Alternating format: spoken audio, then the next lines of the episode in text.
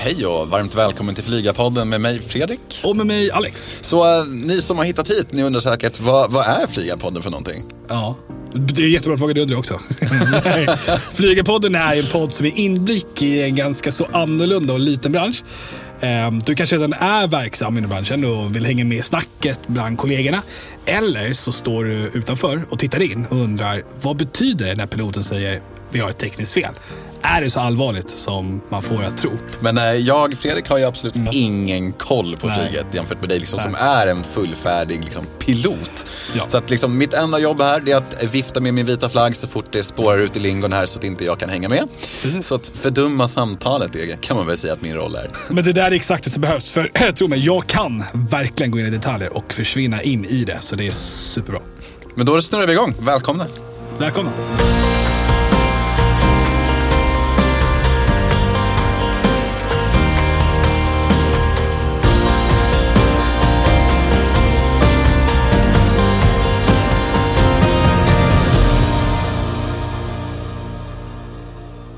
Då är vi här igen, en eh, ny vecka, ny gäst. Ja, verkligen. Och hur är läget med dig? Jo, men det är bra. Det är bra för dig. Hur är det själv? Ja, men det, är, det är härligt att vara här, det är kul att vara tillbaka. Ja, men det är verkligen det. Och eh, för två veckor sedan här då, då satt vi ju, satt ju du här mest i och för sig med din spåkula och spekulerade om vad som skulle hända i den nära framtiden här. Just det.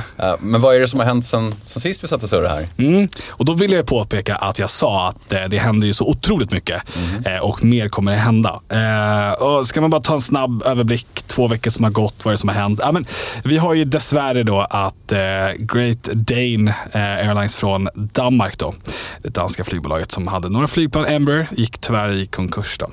Eh, förra veckan, ja. Eh, så det var ju väldigt, väldigt tråkigt. De startade upp eh, och flög mycket som kallas för ad hoc, så här på uppdrag. Eh, så de, de sålde besättning och flygplan till, till andra operatörer. Då. Eh, och så opererade de liksom för dem kanske under ett halvår. De var i Vietnam bland annat och så. Eh, men de öppnade upp verksamhet i sommaren 2019. Sen någonstans är det, så var ett halvår innan pandemin.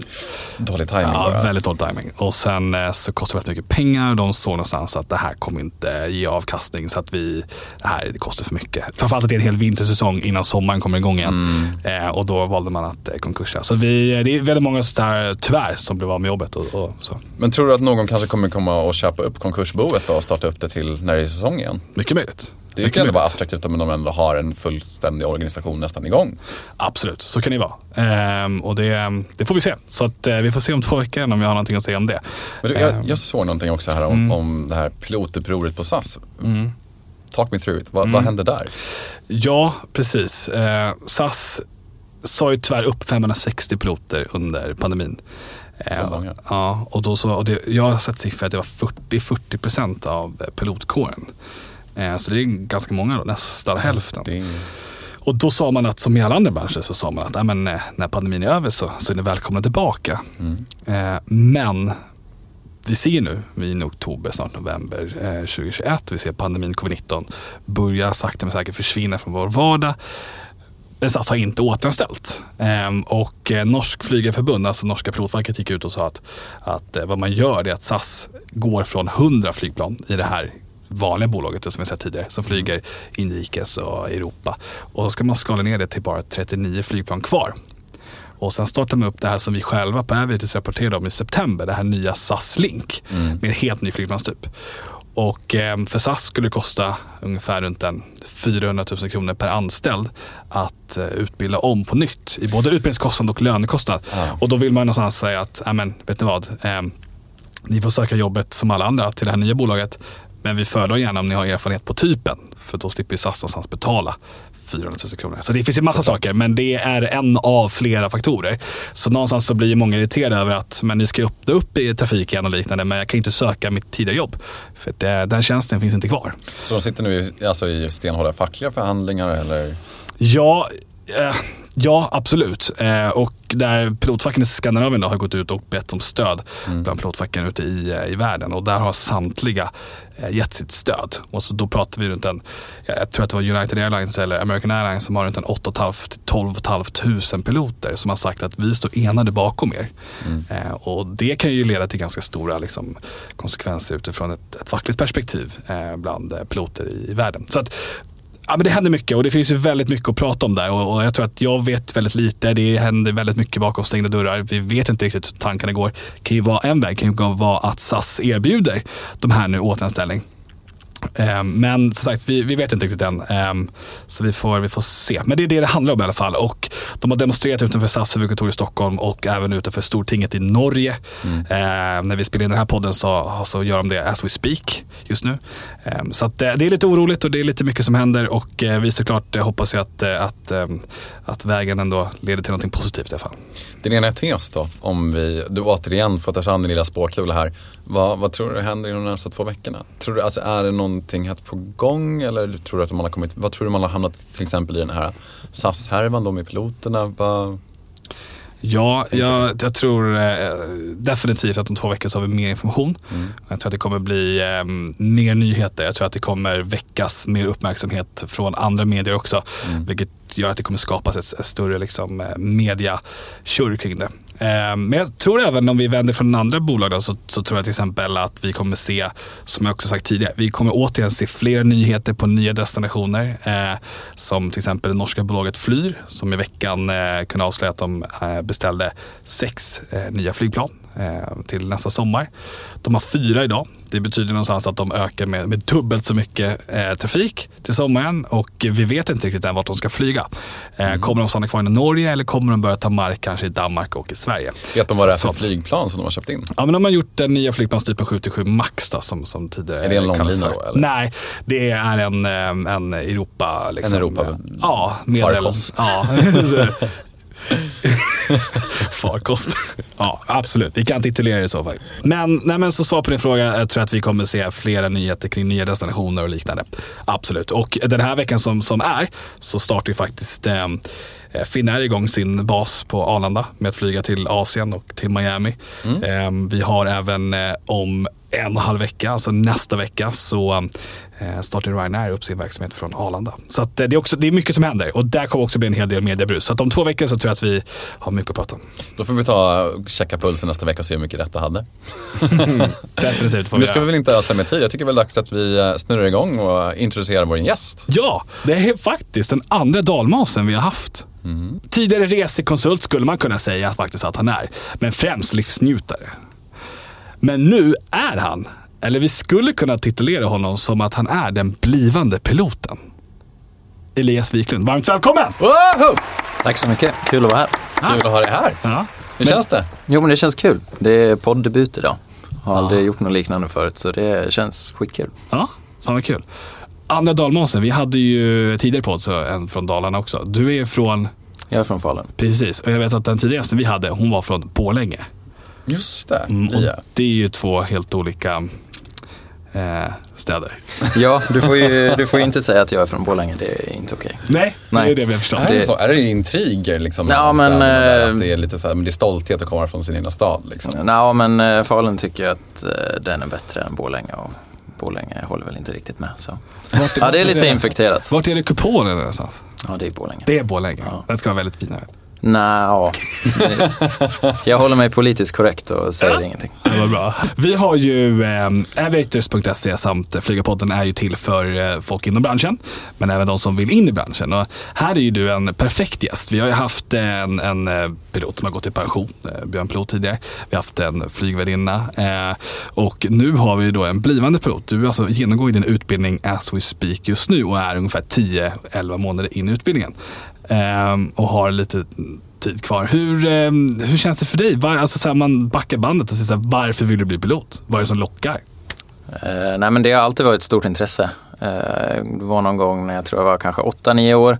Skulle flyga till Finland med min pappa. Kom upp från eh, tåg, eh, liksom, tågen där nere på Arlanda och så kom man upp via rulltrappan.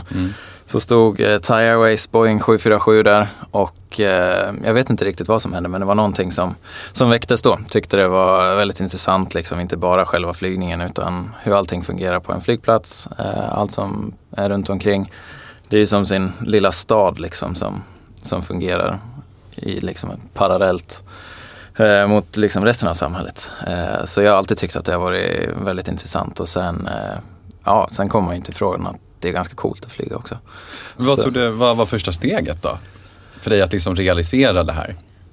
Eh, nej, men först trodde jag att det skulle vara kört att bli pilot eftersom eh, jag har lite taskig syn.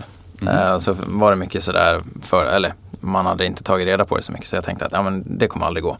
Sen eh, började jag faktiskt läsa på och då var inte det några problem.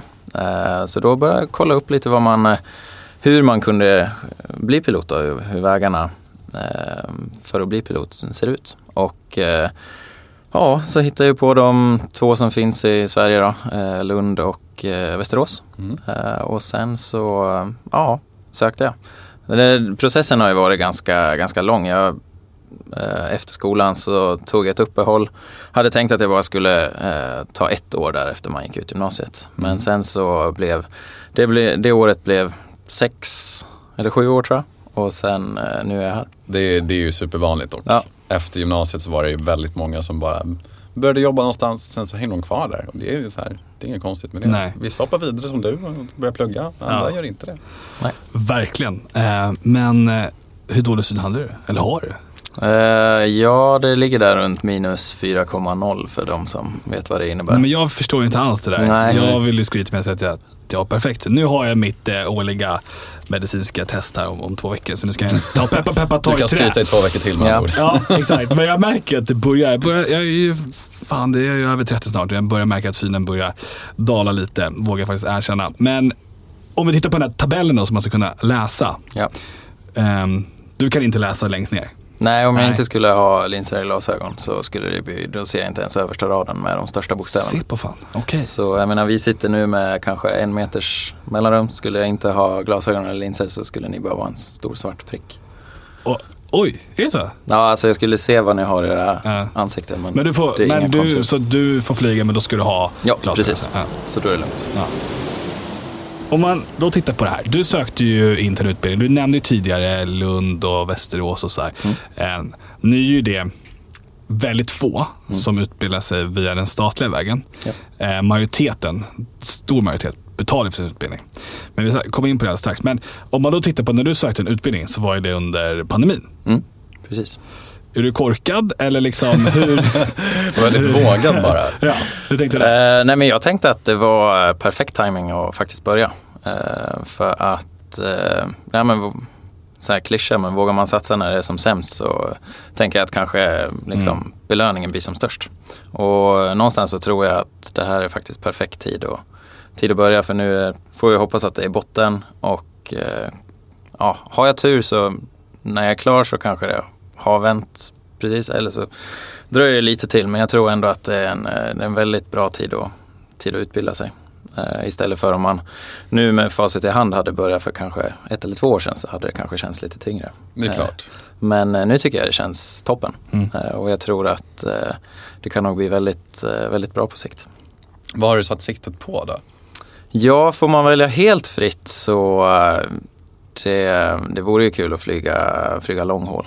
Alltså mm. interkontinentalt. Mm. Eh, sen vet man ju, sen någon gång kanske man ska skaffa familj och liksom stadga sig och då kanske man vill vara lite mer på hemmaplan Mm. eh, och kanske ta sig tillbaka. Men eh, till att börja med så tycker jag det skulle vara jättekul att få börja eh, flyga liksom de stora. Men samtidigt vet jag att det är ingenting man kan börja med heller utan det tar lite tid att ta sig dit.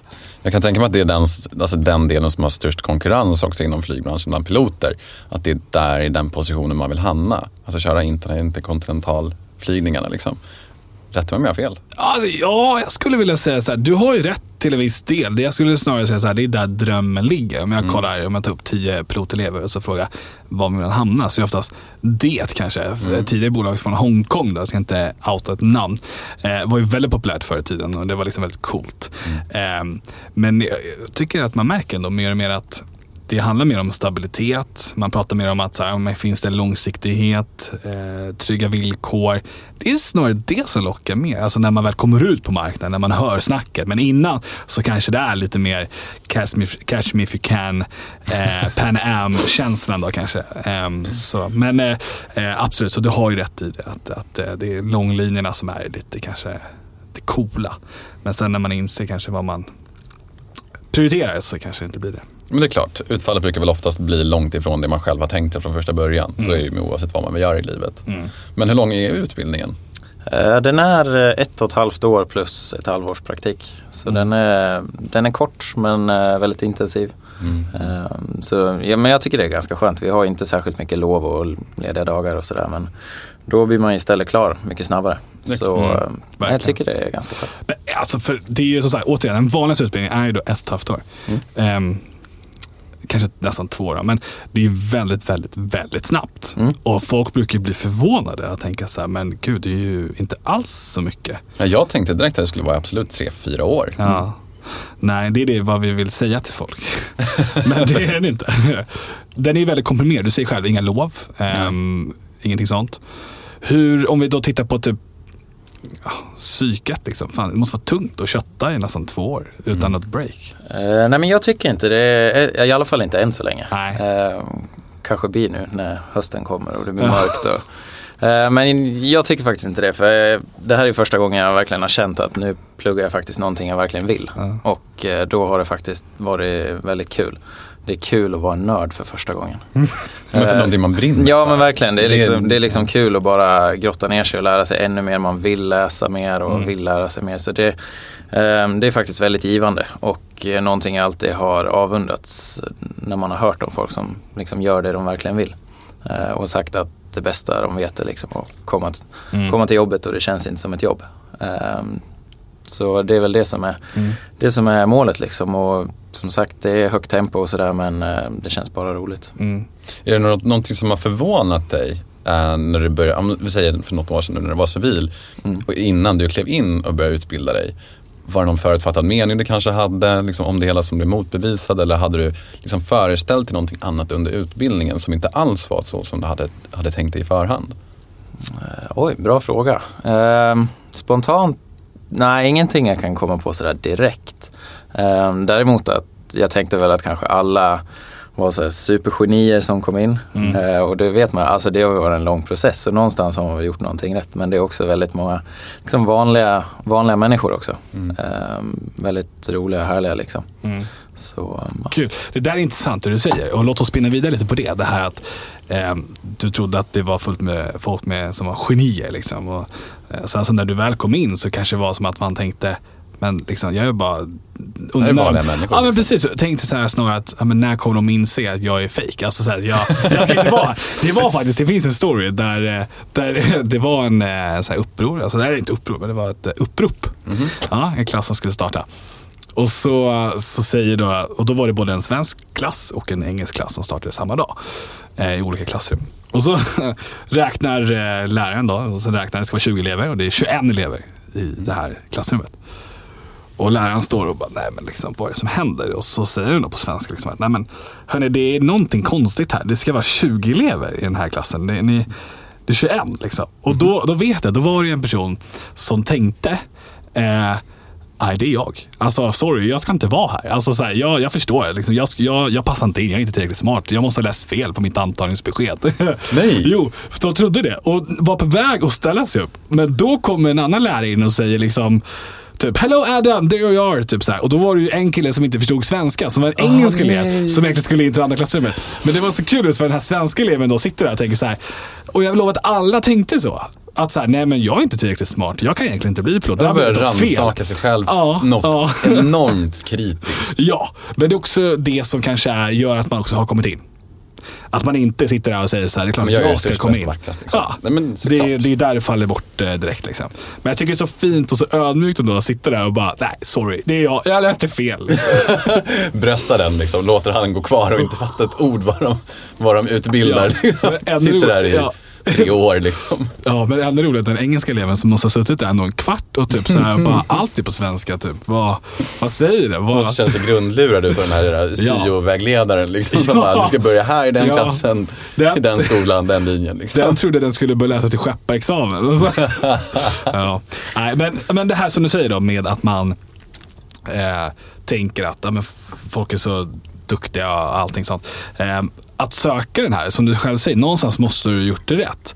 Vad tror du liksom är hemligheten till att bli antagen till en sån här utbildning som är så rigorös i tester och liknande? Vad, vad kan du ge för tri- tics, vad heter det? Tricks, Tips och tricks. tips och tricks Ja, men precis. eh, Eh, nej, men jag tror väl att kanske, för, egen- nu pratar jag helt från egen del, för jag kommer ju till exempel inte från en så här mattebakgrund, eh, vilket de flesta gör. Jag läste ju så samhällskunskap på gymnasiet och läste till fysik liksom efteråt. Jo men som vi läste, livsnjutare. Ja, precis. precis. Vem säger att man inte kan räkna matte på fritiden? Ah, nej, nej, nej, nej, nej. Eh, nej men eh, jag tror för egen del så eh, har nog liksom största varit att man för min del liksom är strukturerad, planerar, alltså Mm. har bra struktur på sig själv. Eh, det tror i alla fall jag har hjälpt mig längst. Ja. Eh, bra disciplin liksom och vet vad jag måste göra när jag behöver. Men tror du att det var det som var anledningen till varför du blev antagen? Nej men sen tror jag också att det har mycket att göra med liksom, personlighet. Det är, visst, den första liksom, utfasningsdelen går ju mest på liksom, datatester och lite så här Mm. vad, du, vad du presterar så. Men sen tror jag också att det blir mer och mer också mjuka värden. Mm. Eh, där det liksom spelar in Hur du kan hur- kommunicera. Ja men precis, hur du, Så hur du är som person. Eh, Så också kanske att, ja, men, som ni var inne på förut, att kommer man dit och säger att jag är störst, bäst och vackrast så kommer det kanske inte gå så bra. Och folk gör ju det. Ja, Men de kan jag tänka mig inte blir långvariga. Eller? Vissa kanske självklart, Jo. men De har en sån driv så att de lyckas ta sig in på ett annat sätt. Som vi sa, majoriteten Mm. av utbildningar är ju ändå självfinansierad. Att man betalar sin utbildning själv. Och det, så att det då känns ju dumt vägen. att finansiera någonting som man inte tror på. Nej, det känns ju väldigt konstigt annars. Mm. Eh, men eh, eh, nej, alltså jag har ju suttit och hållit de här processerna eh, i flera år. Och eh, mm, man, folk är nervösa och allting sånt och det är fullständigt liksom normalt och liknande. Men man måste tänka någonstans på vad en eh, Norwegian-kapten sa till mig. Det är att, ja, men jag tänker alltid så här och det här var en av rekryteringscheferna. Han sa, men jag sitter och tänker så här, men jag ska flyga till Teneriffa tur och tur. Eh, sex timmar enkel väg, alltså en arbetsdag på nästan 14-15 timmar. Ja, men om jag då ska ta med dig ombord och så sitter du som styrman så jag är kapten. Då vill jag någonstans känna så här att ja, men, om jag inte behöver använda min tidning ombord. Utan vi sitter och surrar och dricker kaffe och bara har jävligt trevligt. Då får du jobbet. Behöver jag ta upp min tidning? Nej, sorry, men det här kommer inte hålla. Men det där med ju partydynamik, det är ju verkligen från person till person. Liksom. Absolut, och det var ju liksom verkligen figure of speak och, eh, och det var ju väldigt generellt. Men någonstans så finns det en, en grund i det. Alltså det är ett extremt socialt yrke. Alltså det är extremt. Du Men du måste kunna ska ju, kommunicera återigen. verkligen, du ska ju inte ha en dålig dag på jobbet. Alltså så här, du ska lämna det privata hemma och sen så går du till jobbet så ska du göra din sak. Och mycket av det innefattar att du måste ha eh, kommunikationen och allting sånt. Ehm, så att det är någonstans, jag skulle säga att det, vad du är inne på, så matte. Alltså, det klarar man sig utan. Eh, men det sociala, ännu mer viktigare. Och Just det, här tror jag- samspelet liksom, Ja, som man måste precis. ha mellan, i en relation mellan en styrman och en, och en kapten. Precis. Jag menar, du har ju varit uppe på flyget nu och som pilotelev så flyger man ju ganska mycket med en instruktör, i alla fall i början. Sen så är ju du nu ute och flyger lite själv. Eh, men hur mycket använder du matten kontra det sociala? Eller kommunikation kan man säga. Eh, ja men i den flygningen jag har gjort nu så skulle jag väl säga kanske 98-2 Ja. procent. Det är så. Ja Alltså- det har jag inte varit. Så. Vad- 98% matte alltså. Ja exakt. Jag exakt. tänkte också det. Så det är, riktigt, det är mycket tidningsläsande där uppe mellan mig och instruktör. Nej, men det är det sociala. Man Ja, samtalar och Ja. man pratar kommunikation. Eh, Och. Sen eh, kommer det väl säkert lite mer när man ska tänka och räkna där uppe. Såklart, såklart. Det kommer ju inte vara liksom kärnfysik du ska räkna. Nej. Jag vill backa tillbaka lite bara, för du nämnde någonting om att det var som en gallring i början med lite datatester och sådär. Vad, vad var det för tester då? Var det så här problemlösningar och Ja men först för att ens liksom få ansöka till skolorna så måste du ha gått igenom ett flygpsykologiskt eh, test som du, som du gör liksom på, själv på sidan av. Liksom. Eh, och det gjorde jag i Stockholm hos eh, ett företag som heter Siap. Mm. Och där är det ju, ja men det är lite olika, de testar minnen, eller ditt minne, eh, logiskt tänkande. Eh, vad testar de mer? Ja men lite så här huvudräkning, lite ja, sådana grejer. Eh, sen är det även simultankapacitet. Mm. Eh, du har intervju med, med psykolog och så vidare. Mm. Eh, och sen är det ett medicinskt test du får göra. Och blir du godkänd på båda de här, ja då kan du söka till skolorna. Och sen har ju skolorna sina, sina egna tester. Och i Västerås fall så var det ju, där var det datatester eh, som var ganska lika det man hade gjort innan, inte helt. Men det var lite samma, samma där igen. Det var mm, minnesövningar, logiskt tänkande, Eh, simultankapacitet, eh, huvudräkning. Mm. Det där. är bara en öppen fråga, för du sa att du hade taskig syn. Mm. Vad är det för någonting som, om ni båda två svarar på den frågan, eh, som man skulle kunna bli nekad av? Ja, absolut, hos eh, flygläkaren. Nej, alltså vad, vad skulle, förutom syn då? Är det någonting annat som skulle kunna göra att man till exempel inte får gå vidare med sin utbildning? Eller påbörja utbildningen rättare sagt. Eh, Ja, absolut. Det, det, finns, det finns det. Eh, om man tittar på det första steget med oss, det medicinska. Ja. Det kan ju vara att man har någonting. Till exempel färgblind. Det är väldigt, där är det många Ah. som fångar upp det. Att shit, jag är färgblind. Och det är oerhört, oerhört tragiskt. För du har betalat väldigt mycket pengar för att göra de här testerna. Och sen tror du att så här, nej men, det tar ganska mycket mod. Och jag vet själv när jag gjorde det här att och jag vet att det är många andra som det också, att, att man är rädd inför de här testerna. För att du vet ju inte egentligen hur din kropp innerst inne mår kanske. Eh, om du verkligen är färgblind. Förrän du väl testar dig själv. Så det är ju någonstans ganska laddat. Eh, också hos psykolog, att man ska träffa någon. Och eh, det händer väldigt ofta att de säger att, vet du vad, sorry men du ska inte jobba med det här. Liksom, det här är inte din grej. Det är så. Det är det. Ehm, så, och det är ju måste, det är ju väldigt jobbigt. Och det blir ju, om du har det haft det som dröm så många år, då är du nästan rädd att, liksom så här, att få den där. Och det är många som jag pratar med som säger att jag vågar inte söka. Bara för att jag är rädd. För än så länge så är det en dröm som jag kan uppnå. Men om någon kommer till mig och säger, nej men vet du vad, det här går inte. Då, då brister allt. Liksom. Det försvinner, då rycker de ju mattan under fötterna på. Ja, så att absolut, det finns jättemycket som man kan åka ut på. Men, du ska ju, men där kan jag bara tycka från personligen att det är ett väldigt dumt mindset att ha det. Försöker du inte så Såklart, kommer du aldrig liksom kunna veta vad som händer sen. Liksom. Oavsett om det misslyckas eller det är någon som kommer neka dig liksom, på vägen så, så är det ju värt det. Har du någonsin haft liksom, en dröm om Mm. någonting och då är det din plikt att följa den. Så är det. I mitt tycke. Så är Svar på frågan om vi går vidare till det andra steget, typ. ja, men vad man kan åka ut på sen. Eh, jag som har hållit i massa tester och liknande. Alltså det är ju just att man, nej att folk, eh, till exempel datatester och liknande, så är det ju många som eh, kanske inte riktigt förstår att så fort du är här så kanske du ska tänka dig lite för att det är ditt varumärke. Mm. Eh, Att vi hela tiden någonstans representerar oss själva. Ehm, Och att så här, ja, men, eh, jag måste tänka mig för hur jag beter mig. Jag kan inte bara sitta och hålla på i en tyst sal där folk skriver prov. Sitta och liksom låta så här.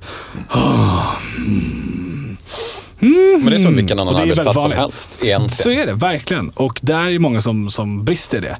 Mhm. Eh, och det tror jag handlar också om lite så att man kanske är lite ung.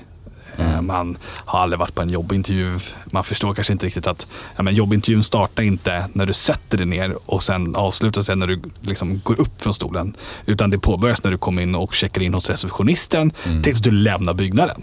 Och det är två helt olika saker och det är jätteviktigt att man, att man har koll på. Så det är många som åker kanske på sådana saker, att man inte riktigt förstår eh, att man testas hela processen. Du ska ju vara professionell, professionell, Exakt. professionell från start till stopp. Exakt. Så det. Mm. Så det skulle jag verkligen vilja säga. Men om man tittar då på när du genomgått de här liksom grejerna och sen så nu när du är inne i utbildningen. Eh, hur ser det ut för dig? Liksom, vad, hur ser en normal dag ut för en pilotelev? Eh är det Eh. Bahamas eller är det liksom Maldiverna eller liksom hur? Nej, det är väl ganska långt därifrån. Ja, det är så? Eh, Okej, Ja, men precis. Eh, bor ju på något som heter Hässle då, nära, Ja. nära flygplatsen i Västerås och det är ganska långt ifrån både Bahamas och Maldiverna. Ja. Eh, Är det så. stormrooms eller? Mm, nej, det ser väl eh, nästan. Man har sitt eget med kök och badrum och sådär. Ja men det är kul. Lite studentliv. Ja men det är det, absolut. Jättekul, det är liksom många som, många som bor där. Så um, ja, men det är skoj. Mm. Men eh, en vanlig dag, beror på om man har flygning eller inte. Men eh, ja, har man flygning då är det en hel del förberedelser liksom inför flyg. Eh, en del planerande. Eh, och sen sticker man upp och flyger då och sen blir det lite efteråt och sådär. Eh, men sen har man inte det, ja, då är det ju full, full fart med teorin bara. Ja, det. Det går liksom, eller går går det väl och ta det lugnt. Men då brukar det straffa sig längre fram. Mm. Eh, Så ja, men en vanlig dag för mig det är liksom, jag försöker se det som, se det som mitt jobb liksom. Försöka trycka in mina 8-9 timmar om dagen. Med antingen om det är teori eller om det blir flyg. Mm. Liksom så inte försöka tänka att eh, ja men idag har jag ingenting på schemat då kan jag, då kan jag ta det lugnt liksom hela dagen. Eh, så, men där kommer väl det tillbaks, jag menar alla är vi olika. Själv tycker jag att jag är ganska disciplinerad och sådär. Så det faller väl tillbaks på det för då kan jag också känna att då kan jag unna mig kanske vara ledig lördag söndag om jag har tryckt in allt mitt plugg i, i veckan. Men eh, alla är olika. Så jag sagt. Mm. Men eh, det är, eh, det är full fart, det är det. Eh, så ja, Mm. Men när du fick flyga, du har fått flyga första gången själv utan instruktör. ja, det hände i somras. I, ja. Och det är Va- stort. Det är, Ja, det är det, stort. det var en... Det. Ja. Jag tänkte fråga, vad, jag kan tänka mig att du måste ju säkert ha fantiserat lite om, om det, det momentet Absolut. innan. Eh, var det liksom ren eufori som du trodde? Ja, men det, det får man. Alltså första gången ändå när man fick flyga själv, då fick man vara det liksom i det som kallas då, trafikvarvet. Man flyger bara runt flygplatsen och startar och landar. Så man såg ju flygplatsen hela tiden och sådär. Det som var, när det verkligen gick upp för en att man verkligen flög själv, det var några pass senare när man faktiskt fick liksom sticka iväg lite längre och lämna kontrollzonen och liksom stack ut i övningsområdena. Då förstod man att shit, det är faktiskt jag som, som flyger det här flygplanet själv. Och det var, ja, men det var riktigt stort. Jag kan tänka att jag Eh. hörska ett och annat glädjeskrik liksom överkommen där. Ja, men elever där de får göra sin, Absolut. sin första lilla roundtrip. Liksom. Ja. Jag vet att första gången det, ja men det var faktiskt första flygningen och ja, man hade startat och liksom ligger där och håller på och klättrar ut från, från banan liksom och då var det ju bara, satt och skrek liksom och sen kom jag på shit, har jag tryckt in, eh, har, jag, har jag tryckt in sändarknappen och så bara, nej det har jag inte, okej, då, kan- då kan jag Så har jag en skrika. döv instruktör på, på Ja, en, och liksom. en arg flygledare skulle jag tro också. ja, verkligen. verkligen. Men eh, ja, det har varit några sådana moments liksom. Så det, ja, men det är sjukt att liksom tänka sig att man faktiskt flyger en, ett flygplan själv. Mm. Är det här någonting du skulle rekommendera för någon annan? Absolut, varje dag. Jag skulle rekommendera det till varje person. Är det så? Eh, ja, men jag tycker det, Coolt. det är en väldigt, väldigt fri, frihetskänsla att få vara där uppe och liksom. Det är du och, Ja, och himlen liksom. Ja, visst. och du och molnen liksom. visst. Wow. Jag köper det helt och hållet. Du har ju faktiskt lovat oss att du ska ju ta över vårt Instagram nästa gång du ska flyga en liten längre Ja, sträcka. men absolut. Så eh, Fredrik, då kan du få se hur det faktiskt ser ut. Behind the scenes. Alltså det roliga är ju för varje avsnitt som går, när man ändå fått höra liksom, vi har just, med dig har vi nu slutit cirkeln kan man väl säga på flygpersonalen som är liksom ombord på planet. Mm. Uh, och skulle ljuga och säga om jag inte blir sugen på, på att skaffa ett flygcert. Liksom. Men äh, ja, det, jag har för många andra bollar. Nej, nej, nej, men det, kommer. men alltså, så här, helt klart så kan jag ju säga att antingen det eller helikopterlicens. Mm. Det, det står ju faktiskt på min, på min bucket list att göra någon, någonstans i livet. Coolt. Helt klart. Det här är helt nytt för mig. Det här Ja. har jag aldrig reflekterat över innan. Ja. Förrän efter jag fick prata med alla de här människorna. Så det uppskattar Wow. jag jättemycket. Vad roligt. Kul. Hur är det då när ni har, eh, ni är ju en klass, du, ju liksom, det är några kamrater till dig. Eh, vad, vad säger ni gemensamt om så här, vad ni, vad förväntar ni er? Vad tror ni att om ett år när ni är klara att, att marknaden står liksom? Eh, hur, vad tror ni? Eh, ja, nej men alla är väl ganska hopp- förhoppningsfulla. Alla vet ju att just nu är det ju, just nu är det ju riktigt tufft. Och eh, det är liksom rullgardinen ner. Men ehm, alla är väl väldigt ödmjuka inför att det kan väl teoretiskt sett vara så att det fortfarande är ganska tufft när vi är klara. Mm. Eh, Men jag skulle generellt säga att alla i klassen känner liksom förhoppning inför, inför, inför det som ska komma.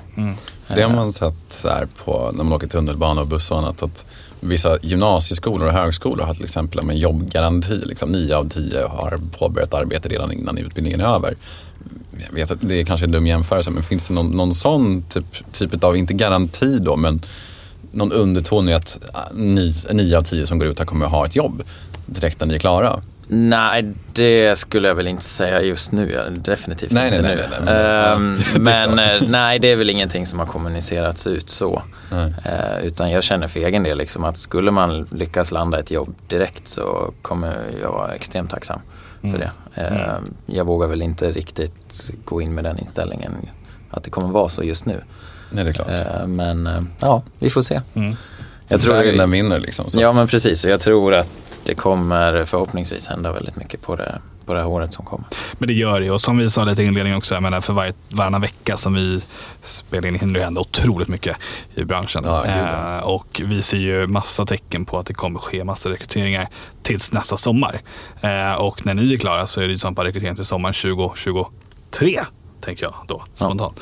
Eh, och det är lång tid kvar tills dess. Så att, eh, ja, jag är enig. Det, det hinner hända mycket. Men jag vill ändå klämma in ett litet tips där då. Att Mm. På aviators.se så kommer det faktiskt finnas tjänster både i, i Sverige men också i övriga delar av Skandinavien för pilottjänster, cabin crew, markpersonal, allt i allo. Så att eh, när du är klar, då får du segla in dit. Ja men Exakt. absolut, redan medlem. Ja men titta där, Ja, vad bra. Precis. Alltså, För det är det, vi vill att man blir medlem, ladda upp sin profil eh, och vara med. Vi, eh, vi kommer jobba väldigt mycket just med medlemskapsbiten. Med utbildningar, föreläsningar, seminarium och eh, networking opportunities som vi kallar det för. Eh, meet and greet och allt möjligt. Så att, eh, bli medlem på aviators.se i vårt community. Om man då får välja som pilotelev. Eh, jetmotor eller propellerflygplan? Jet. Jet. Det gick fort. Varför Ja. det? Eh, nej men jag vet inte, ju större desto bättre. Tänker jag. Men jag tänker väl att eh, propellerplan är väl lite utdaterade, här är de inte. Alltså jag tänker propellerplan, då kanske det är en så här enmans, tvåmans, liksom, mindre flygplan. Liksom. Men jag vet inte hur vanligt det är med propellerplan idag. Jag skulle säga att det var stort under andra världskriget. Ja, precis. Och sen försvann det. Jetmotor var det som kom. Men den är tillbaka idag. Det är ju, den är en betydligt mer effektiv eh, eh, flygplan i form av eh, bränslesnål och man kan experimentera med andra typer av, det kan man göra med jetmotor också såklart, men eh, eh, titta på flygbolaget Bra eh, så finns det väldigt mycket och de jobbar mot att de ska vara klimatneutrala om bara några år. Ehm, ja, och ett steg i den riktningen var att de gjorde sig av med några år sedan med eh, jetmotorerna för då att jobba mer med propellerflygplanen. Så att jag tror att propellerflygplan är eh, absolut en framtid som vi kommer se mer av. Så helt enkelt för dig så är det jetmotor som gäller. Ja, får jag välja fritt. Så ja. Eh, men eh, ta jättegärna propeller också. Jag är inte så, jag är inte så kräsen. Det var efter, jag tror, jag tror det var Li som berättade att de, hon, hon var passagerare på ett plan Ja, och det tror jag var ett propellerplan Stämmer. som fick is på vingarna. ja ATR 72 där från bra. Jag, jag vet inte om det har någonting att göra såklart om det är propeller eller om det är, Nej, men det det, har, det har faktiskt det. Det gör det? Ja, men så här, det hon berättade var att de hade lyft från Bromma och så fick de isbildning. Så de stoppade climben, alltså de valde att eh, stanna och sen gå tillbaka. Eh, men de gick, faktiskt, de gick till Skavsta. Så att det var faktiskt en, en, en nödlandning då, så att säga. Ehm, och eh, nej, det är klart att det har inte med saken att göra att det är propellerflygplan. Men det som har att göra med det är att avvisningssystemen är olika. Så med en jetmotor till exempel så tar man ju varm luft och så, så jobbar man i ett förebyggande syfte att man inte ska få is. Så ser vi, shit nu är vi på väg in i moln, ja, men då tar vi på den här eh, värmen då, så värmer upp då. Men i ett propellerflygplan så jobbar man eh, retroaktivt i form av att nu ser vi att det börjar byggas is. Då aktiverar vi våra boost. Så på vingarna så, liksom, så blir det så här som en eh, ballong som expanderar och då det. spräcker isen och sen så åker den tillbaka. Så där jobbar man ju snarare att man sett att nu har vi det, nu tar vi bort det. Precis. Så det är två olika typer av system och det systemet det har ju mer kanske, eh, så att säga, inte brister, men det finns... eh, Ballongsystemet. Ja, om man ska kalla det för det. Men det, har, det finns en mer, det finns ett, så att säga, marginalen är kanske lite mindre än hos en jetmotor eh, som har betydligt mer kapacitet att i förebyggande syfte förhindra is. Så att det hon var med om är ju inte jätteovanligt, eh, men absolut eh, inget farligt. Men eh, är det som man säger så här, vad, vem skulle du säga om man, om man tänker att man vill söka till en pilotutbildning, eh, antingen statlig eller självfinansierad, vilket är den vanligaste typen av utbildning. Vad ska man ha för typ av, vad ska man vara för typ av typ av person? Eller vad är viktigt att tänka på om man vill söka? Mm, ja, jag tror att du ska vara Alltså det bästa tipset tror jag att du ska vara väldigt trygg i dig själv. Ja, Eh, Du, alltså svårt att placera in någon i ett fack. Jag menar du kan vara supersmart kanske på pappret och sådär men du kanske inte fungerar på andra sätt. Eller tvärtom. ja. Eh, Så alltså tycker du själv att eller tror du själv att det skulle passa som det, då tycker jag du bara ska söka. Men som Eh, street mar- smart då, lite Ja, mer? absolut. Ja. Är du, eh, som jag sa, liksom, att det är kanske som har förvånat mig då, men det är att alla är väldigt normala och liksom bara van, Ja. vanliga människor. Ja. Så, ja. Men var trygg, var trygg i dig själv, det tror jag kommer få dig att gå väldigt långt. Mm. Och, för då kommer du, jag menar, vissa kanske tycker att de här psykologgrejerna är lite läskiga kanske eller sista steget där i uttagningen till skolan då fick, då fick man ju träffa en representant från skolan Mm. eh, för sista intervjun där och man fick även träffa en psykolog. Mhm. Eh, och då var det liksom, de synar ju en i, i kanterna liksom så här. Och, Så de sitter och grillar en? Ja en men typ alltså då. det är typ Ja, dels den psykologen och sen psykologen man har gjort liksom innan man har sökt till skolorna. Mm. Det är ju första gången kanske man har fått frågan, så här, ja men man kan få en fråga så här, ja men vad var det, vad var det absolut tyngst i ditt liv? Och så så kom, ja, så Det är man, ju sånt som man inte tänker på själv. Liksom. Ja, och så säger man det och så sitter de och så tittar de det djupt i ögonen och så säger de så här, ja men varför tror du det blev så då? Mm. Eller varför är det så här? Och jag vet att jag hajade till första gången så här och tänkte att, ja men det ska väl du skita i. Det här, det här, är, det här är ju lite, lite close to home. Ja, men och sen, sen släppte jag det och tänkte att ja, men det här är faktiskt ganska kul att faktiskt få den frågan och kanske börja få rota i sig själv. Och, Ja, eh, mm, men det kan man ju kanske bara göra om man är trygg i sig själv och känner att man kan göra det. Vissa kanske blir livrädda och liksom sparkar bakut och känner att nej, det här stänger vi av. Mm. Och då tror jag att då kommer det inte gå så bra. Nej. Men är du trygg i dig själv och liksom kan vara öppen också med, med vem du är och hur du är och liksom, så, Mm. Då kommer det inte vara några problem. Men skulle du säga att det är någon sån här åldersgräns? Eller så här, inte åldersgräns, men kanske Personlig mognad handlar väl mer om va? Ja, det handlar väl kanske mer om det. Det låter som att så här, kommer du direkt från gymnasiet så kanske det är svårare att då ha, kanske vara mer trygg i sig själv. Absolut, jag menar i min klass, jag tillhör dem, den som, jag är tredje äldst i min klass. Vi Ja. har ett väldigt spann. Jag menar Ja. den yngsta kom direkt från gymnasiet i våras Mm. liksom. Eh, jag är 29, vi har en som är, ja men vi har två som är över 30 liksom. Mm. Eh, och det är en bra dynamik men jag känner att för egen del, jag är jätteglad att jag hoppar på i den. Och vissa kanske säger, ja men du är lite, du är lite gammal. Men Fast jag det, det är man ju absolut inte. Nej, absolut. Och jag tycker att det har bara varit positivt för egen del. Det är Sen eh, är det ju absolut, det finns ju de som är unga och jättemogna och, och sådär ändå. Ja, det är ju snarare så pass att kanske att till folk, det är väldigt många som söker som då är väldigt unga Mm. och tänker det här är det jag vill, jag har längtat varje dag i mitt liv och nu kan jag äntligen söka, nu söker jag. Och så kommer man och så, så får man träffa någon eh, och den personen säger, vet du vad, kom tillbaka om tre år, gå ut och ha kul. och kom tillbaka med lite eh, levnadserfarenhet.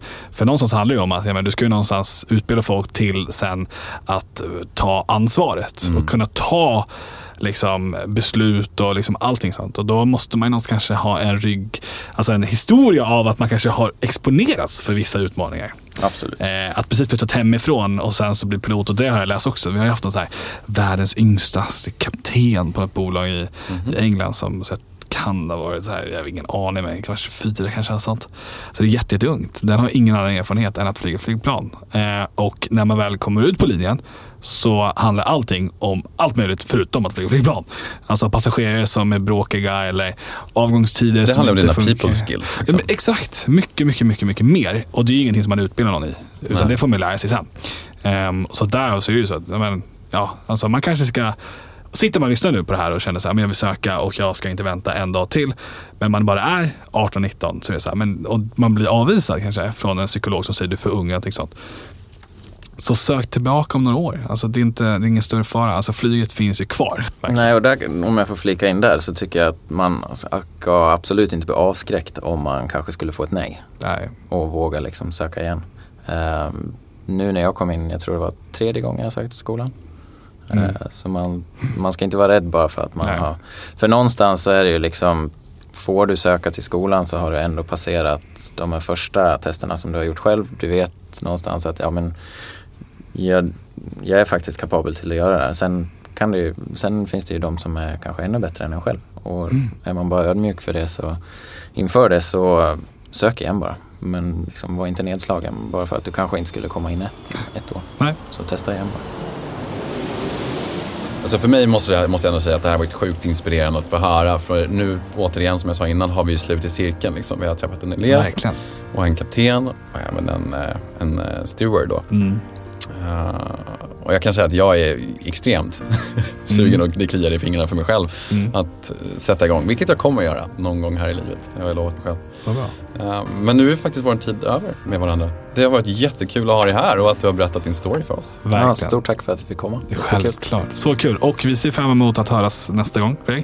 Då ska jag ha ännu mer nyheter till dig eh, att kunna ta. Och så har vi såklart också en ny gäst. Men den här gången kommer jag göra saken lite annorlunda. Alltså? Ja, då kommer jag köra intervjun själv med gästen. För jag är inte här. Utan jag är på en annan ort och ska träffa en annan person. Så att, Typiska vara... det bara sticka lite överallt alltså. Ja, men lite så. Så du får vara kvar här. Eh, så kommer jag och berätta allting för dig sen efteråt. Kommer du i alla fall hålla mig uppdaterad på Instagram då? Mm, Mycket ständig uppdatering kan jag säga. Ja, bra, då behöver jag inte sakna dig. Nej, det behöver aldrig göra. Med de vackra orden så säger vi hej då. Verkligen. Tack och ha det bra. Ha det bra. Hej! Hej då.